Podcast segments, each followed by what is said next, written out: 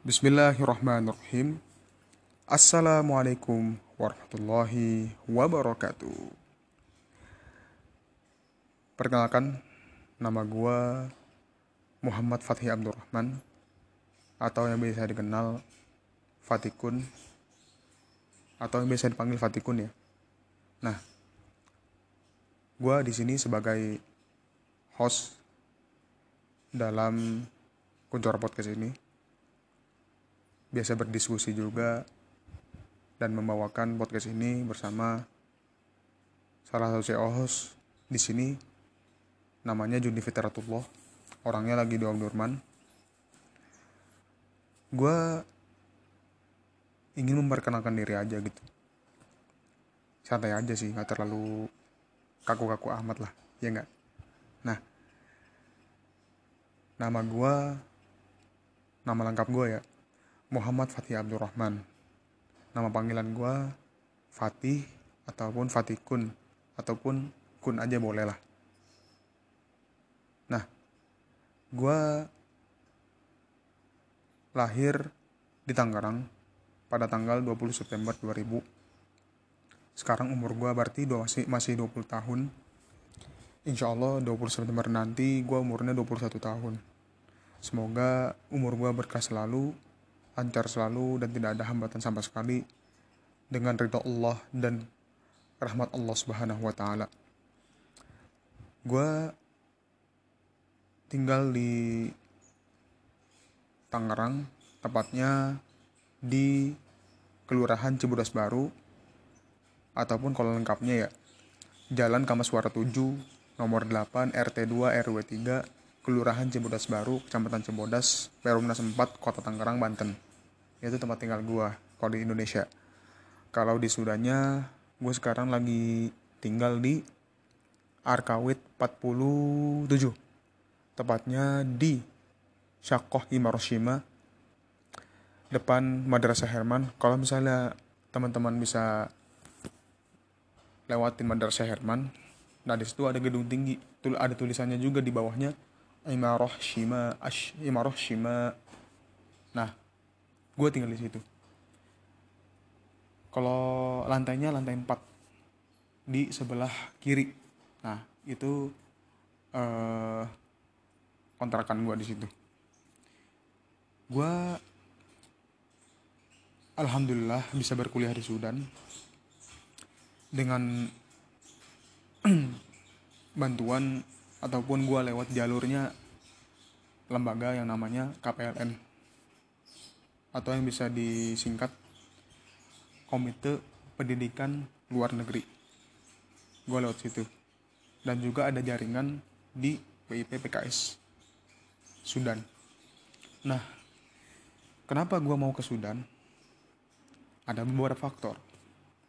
Yang pertama, gue ingin merasakan yang namanya kesederhanaan, perjuangan hidup, dan juga dedikasi dan pengorbanan yang lebih besar karena dengan lingkungan yang lingkungan yang mendukung sekali untuk selalu berjuang dan selalu bisa berkontribusi besar. Nah, gue lihat di Sudan tuh uh, adalah yang membuat gue tuh gimana harus berjuang, gimana harus berkontribusi, gimana harus bekerja sama tanpa uh, mementingkan ego diri sendiri nah gue pengennya di Sudan itu datang ke sini uh, untuk bisa mendapatkan hal itu nah yang kedua faktor yang kedua itu Sudan adalah salah satu tujuan bagi mahasiswa-mahasiswa yang ingin belajar agama tapi dengan lingkungan yang kondusif. Nah, sangat cocok banget lu tinggal di sini dengan kondisi yang sangat mendukung banget untuk menuntut ilmu agama. Nah, di mana? Di Sudan. Lo lihat di Sudan ya paling yang ada cuma apa sih? Padang pasir, gersang, pohon-pohonnya dikit. Paling adalah sebagian dari Sudan ini yang hijau. Cuman kita tinggalnya di yang lebih banyaknya pasir-pasir. Nah, kok bisa menjadi salah satu tempat paling enak untuk buat menuntut ilmu? Karena apa? Karena lu nggak bisa keganggu yang namanya pergaulan bebas. Terus uh, ya mau di mana ya gitulah pokoknya pergaulan bebas. Terus gangguan-gangguan duniawi nggak ada di sini nggak ada. Jadi sangat fokus lu bisa uh, dapetin ilmu agama yang uh, maksimal. Karena dengan lingkungan yang sangat mendukung. Di sini di mana? Di Sudan. Luar biasa. Faktor yang ketiga yang membuat gue bisa ataupun mau datang ke Sudan. Yang terakhir ya. Karena gue pengen belajar kesabaran. Karena di Sudan ini lu harus di, tempat kesabaran lu. Terutama menghadapi orang-orang yang wataknya keras yang wataknya nggak sabaran wataknya bikin lo ya emosi lo berkuar-kuar. Ya di situ lu harus belajar gimana caranya mengatur emosi dan belajar kesabaran lu di sini. Ya nanti kalau misalnya lu ke menghadapi orang-orang kayak begitu di Indonesia lu nggak perlu nggak perlu uh, kaget gitu. Nggak nggak usah kaget karena udah terbiasa di tempat di sini. Nah itu tiga faktor gue yang membuat gue itu datang pengen datang ke Sudan gitu. Pengen belajar di sini dan juga sampai menyelesaikan studi insya Allah insya Allah mudah-mudahan bisa sampai selesai di sini. Nah gue pengen cerita tentang gimana caranya gue berangkat ke Sudan pada tanggal 3, 3 Desember 2018 gue sampai di sini dengan gue sampai di sini dan mendarat di bandara uh, internasional Khartoum dengan pesawat Saudi Airlines yang rutenya itu pertama dari Malaysia Airlines ya Jakarta Kuala Lumpur. Terus dari Kuala Lumpur naik Saudi Airlines Jakarta eh Kuala Lumpur Jeddah. Transit di Jeddah lanjut lagi ke Bandara Internasional Khartoum. Sampailah gue di Khartoum pada tanggal 3 Desember 2018 gue di sini singkat cerita aja ya nggak perlu panjang-panjang. Gue di sini berkuliah di Jamia Jamia Islamiyah Om Durman. Pertama kalinya gue kuliah di Jamia Islamiyah Om Durman. Ketika gue kuliah di Jamia Islamiyah Om Durman gue melakukan yang namanya uh, administrasi untuk bisa melanjutkan kuliah. Nah gue di situ ngurus administrasi atau yang dikenalnya dengan namanya dengan ijroat ya. Ijroat itu kayak administrasi lah. Administrasi lu untuk bisa uh, menyelesaikan pendaftaran ulang lu di Sudan. Gue di sini singkat cerita selesailah gue cepet dengan cepat ya berapa minggu doang gue bisa menyelesaikan. Tapi ketika minggu-minggu terakhir di bulan Desember 2018 itu gue diuji dan teman-teman gue di sini juga diuji oleh yang namanya krisis moneter yaitu krisis ekonomi di Sudan yang bahkan menggoyangkan pemerintahan presiden saat itu yang bernama Umar al-Bashir. Beliau ini sudah memimpin 30 tahun, mungkin karena terlalu lama, akhirnya rakyat pengen perubahan. Termasuk karena krisis ekonomi ini, rakyat akhirnya meminta untuk beliau untuk turun di situlah banyaknya demo banyaknya pembakaran ban banyaknya uh, proses besar besaran sampai sempat juga waktu itu uh, internet harus pakai VPN gitu. Ada pemblokiran lah di platform-platform media sosial tuh agak di, ada yang diblokir gitu. Kecuali sempat itu ada yang masih bisa uh, di YouTube aja gitu. Di platform itu masih bisa. Tapi kalau di platform kayak Instagram lo harus pakai ataupun yang lainnya itu harus pakai VPN nah waktu itu gue melanjutkan Desember Januari Februari nah di bulan sampai Januari Februari ini gue momen-momen krusial gue nih. Kuliah buka nggak ya? Kuliah masih masuk gak ya? Kuliah masih jalan nggak ya? Dan itu masih bimbang gue tanpa arahan tanpa bimbingan. Mungkin orang kayak gue ya yang secara mental udah dan psikisnya gue juga udah mulai menurun dan uh, goyang. gitu. Gue di situ bingung ini keadaan Sudan kenapa ya? Sudan ini kok bisa begini? Gitu. Akhirnya gue pengen tahu nih ke depannya kayak gimana. Ternyata nggak bisa di, di luar prediksi kampus gue tutup total. Dan nggak tahu ila ajalimu sama nggak tahu sampai kapan bukanya lagi. Gila sih. Di situ gue mikir anjir gue bisa nggak ya melanjutkan hidup di sini? Gitu. Dengan keadaan yang tidak pasti ini gitu. Kondisi sudah yang mulai nggak jelas mulai ekonominya amjlok dolarnya menguat sedangkan uh, mata uang Sudannya mulai anjlok parah gitu. Gue di situ mikir, aduh gimana ya melanjutkan hidup di sini.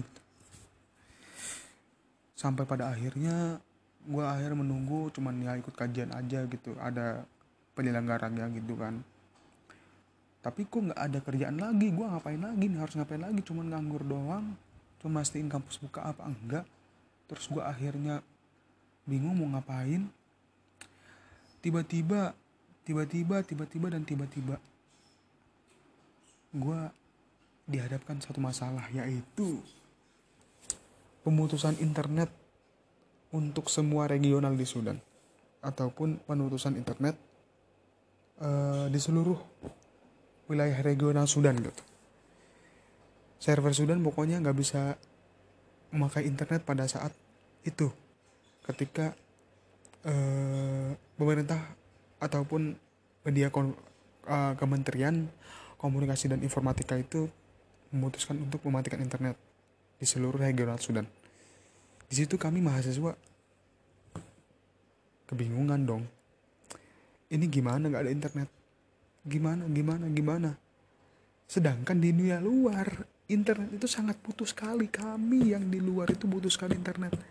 Dan yang paling parahnya pemutusan internet itu dua hari sebelum lebaran bayangin dua hari sebelum lebaran dimatiin internet gak dikasih kesempatan kita untuk bisa temu kangen keluarga di Indonesia gitu dalam suasana Idul Fitri gitu bayangin di Sudan di Sudan.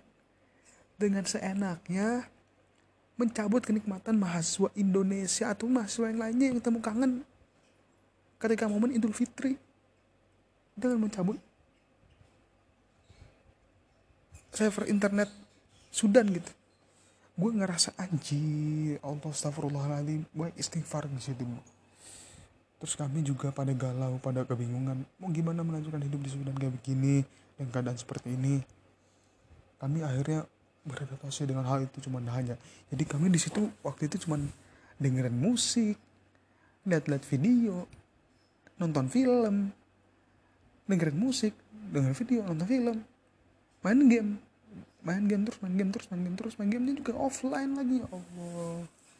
Sampai pada akhirnya kami udah nyerah gitu.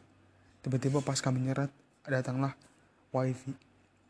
Nyewa wifi karena wifi itu gak ada terikatannya dengan server apa sih uh, data-data. Saya uh, server di Sudan gitu karena wifi ini uh, sifatnya random. Bisa terhubung ke mana aja.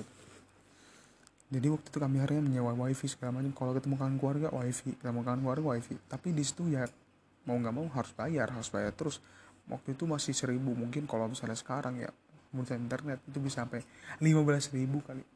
Ataupun yang yang bisa sampai lima ribu kali nyewanya gitu saking apa ya namanya kami pengen menikmati internet gitu karena kami nggak terbiasa dengan hal ini gitu. Seperti kembali ke zaman di mana internet itu hanya di komputer aja gitu. Gila sih bayangin aja gitu yang membuat kita tuh susah banget untuk menikmati keadaan di luar ataupun melihat saudara-saudara kita yang masih tertindas kan harus butuh internet. Sekarang aja kita nggak bisa terbuka kok. Internet dari mana? Gitu loh. Bayangin tuh selama berapa bulan tuh? Selama satu setengah bulan ya. Satu setengah bulan. Dari mulai periode Juni sampai Juli sampai pada akhirnya alhamdulillahirobbilalamin dateng lah tuh ya. Datanglah Ustadz Abu Somad. Masya Allah. Tahulah siapa Ustadz Abu Somad ini. Beliau datang ke sini waktu itu ingin melanjutkan S3 ke Omdurman Islamic University kampus gua. Gue masih waktu itu masih masih sebagai uh, mahasiswa Omdurman karena gue waktu itu belum pindah ke International University of Africa ya di seberangnya gitu. Gue waktu itu merasa wih alhamdulillah datanglah keberkahan bagi kami gitu. Abu Somad datang gitu. Dan Ustadz Abu Somad juga nggak merasakan internet waktu itu. Beliau tuh sampai-sampai menyewa salah satu senior senior gua namanya Ustadz Kamal. Beliau itu membuka uh, jasa wifi dan beruntungnya beliau itu kedatangan Ustaz Somad untuk uh, memakai internet wifi-nya beliau gitu. Menyewa internet wifi-nya beliau gitu masya Allah. Berkah datang seorang yang mulia Ustaz Abu Somad. Alhamdulillah beliau menikmati uh, wifi-nya senior saya senior gua waktu itu. Dan akhirnya tiga hari kemudian setelah kedatangan Ustadz Abdul Somad internet nyala. Masya Allah. Masya Allah gue pikir ini sebuah keberkahan dari tuan guru yang datang ke sini untuk melanjutkan S3 gue mikir ini pasti berkah Insya Allah. Orang soleh datang ke sini yang bisa mempengaruhi semua seluruh apa masyarakat seluruh Indonesia dengan tablik akbar beliau yang bisa menginspirasi uh, masyarakat Indonesia untuk uh, berhijrah gitu. Beliau ini akhirnya bisa menandakan keberkahan gitu. Ketika beliau tiga hari kemudian setelah datang kedatangan beliau akhirnya internet nyala. Masya allah. Kami di situ senang yang bukan main. Ketik uh, senangnya bukan main. Kami langsung beli kuota beli pulsa untuk mengaktifkan kembali internet yang sudah lama kita tidak pakai gitu masya allah. Akhirnya kita bisa melihat dunia luar lagi dengan dengan bebas tanpa harus ke wifi lagi. Namun adalah ya sedikit bagi uh, mahasiswa yang agak rugi gitu karena jasa wifi nya belum balik modal gitu. Kan kasihan juga kan. Pertengahan gitu malah belum balik modal kan kasihan juga. Nah akhirnya di situ gue juga gak ada kepastian segala macem lah. Akhirnya gue di September itu gue pindah ke UA gue daftar lewat uh, uh, lewat ini. Organisasi salah satu organisasi uh, Ikatan Mahasiswa Indonesia ataupun badan eksekutif mahasiswanya cuman di bawah Ikatan Mahasiswa Indonesia. Namanya BEM IMI IUA dari situ dia buka pendaftaran untuk membuka jalur pendaftaran untuk bisa masuk ke IUA dengan minha yang kamilah dengan beasiswa full. Dan akhirnya kami masuk itu alhamdulillah keterima gue keterima gue keterima di syariah teman-teman gue ada yang tema di Dorasat ada yang tema di Quran dan segala macam. Gue di situ rasa bangga sekali dapat IUA ya karena teman-teman Indonesia yang banyak rata-rata di IUA karena di Om Turman tuh teman-teman Indonesia nya sedikit banget. Karena ya mereka ini lewat jalurnya ya cuman uh, eh, KPLN tadi yang jalur gue pertama kali ke sini gitu. Dan akhirnya gue situ melanjutkan perjuangan lagi. Tapi akhirnya ternyata gue nggak ditakdirkan untuk bisa ya lancar gitu. Kayak misalnya ada uh, nyari relasi yang susah. Mungkin karena gue kesalahannya ini ya. Gue harusnya dari kemarin-kemarin tuh dari waktu gue pertama kali masuk ke UI itu gue harusnya nyari asrama dulu. Karena asrama kan tempatnya mahasiswa Indonesia bermukim dan bersosialisasi ataupun mencari relasi gitu. Tapi gue nggak ke sana gitu. Dan gue nyesal banget. Gue masih seperti kayak Om Durman dulu. Gue masih tinggal di rumah. Gak tinggal di asrama dulu untuk bisa mencoba-coba nyari teman ya gue agak mencari gitu lah gue akhirnya juga gue pusing banget kan gue gimana gitu ya. Ketika nggak ada teman gue keluar takut keluar mungkin nggak berani karena mungkin nggak enakan sama teman yang lain nggak nggak kenal gitu. Ini orang lewat doang tapi gak ya nggak pernah lihat. Mungkin gitulah masih pikirannya pikirannya negatif semua lah. Yang membuat gue tuh kadang nggak enjoy hidup di Sudan gitu. Ya karena gitu karena gue nggak mempersiapkan dengan, dengan diri dengan baik gue uh, sampai di situ ya ijroat segala macam ya. Administrasi terus ya pengurusan paspor terus eh, pembaruan visa atau yang bisa disebutnya tajid koma. Terus ya paling minta apa sih namanya eh, apa ya namanya? Tak ah, tak takrim apa ya tukrim ikromi ya itu kayak eh apa ya? Ikromi itu kayak istilahnya untuk bisa mempermudah jadi koma tanpa bayar gitu. Kayak tanpa bayar itu gratis lah. Untuk mahasiswa mahasiswa ajanib kayaknya sih. Gue lupain gitu. Tapi kalau misalnya teman-teman yang bisa ngasih informasi mungkin bisa kasih tahu aneh gitu ya. kasih tahu gue gitu gue waktu itu ya alhamdulillah ya berjalan lancar aja sih lancar-lancar aja gitu. Ya paling ya lama aja sih karena ya mahasiswanya banyak gitu. Gue akhirnya dapat kan ya dapat syariah gue kuliah tapi gue kuliahnya nggak aktif gitu ya Allah. Ya ngerasa nyesal aja gitu. Gue udah kuliah tapi ngerasa temen gue mencari temen tuh susah banget gitu. Kayak mencari jodoh kan saking susahnya gitu.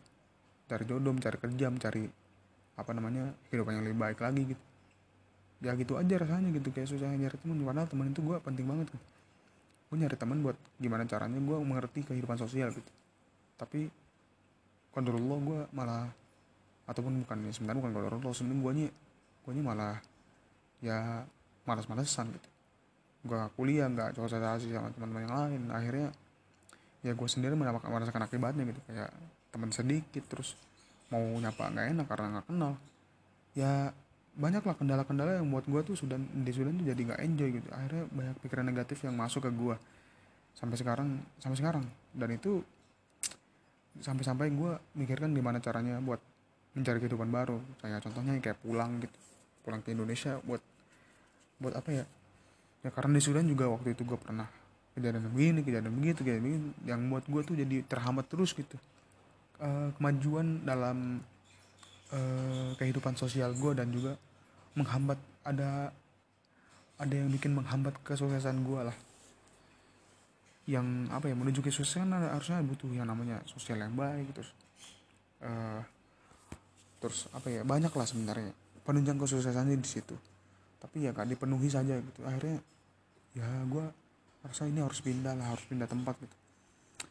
Dan gue masih bingung aja sih sampai sekarang gitu gimana caranya uh, antara lanjut melanjutkan kuliah di sini ataupun gue harus pulang dulu gitu. Dan gue bingung banget gitu. Ya mudah-mudahan kalau ada mudah-mudahan ya kalau gue setiap hari melakukan uh, istiqoroh lah. Apa istiqoroh untuk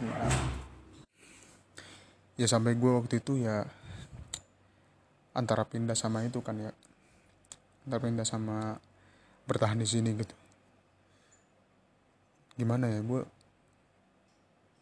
gue sekarang sedih juga maksudnya gue berbeda dengan kehidupan gue waktu gue SD gitu.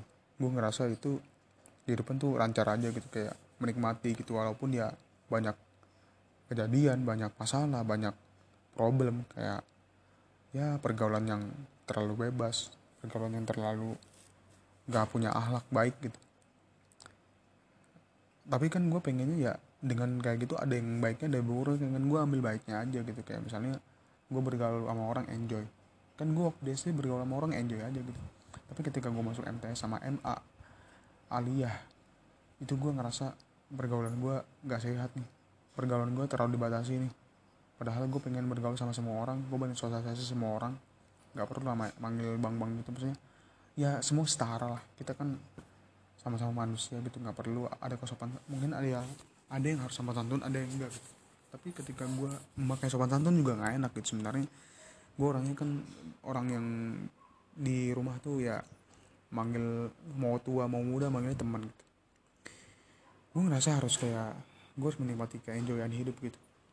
Terutama dalam masa pergaulan dan juga uh, hubungan sosial hubungan sosial dan juga namanya apa? Eh, menjalani hidup. Hidup pribadi yang pribadi yang gimana caranya ya enjoy enjoy aja. Gak ada gak ada masalah gitu. Tapi terkadang ya banyak hambatan contohnya ya lu kurang ibadah kurang kurang meningkatkan lagi eh, kapasitas gua yang akhirnya ya semuanya bakal susah gitu.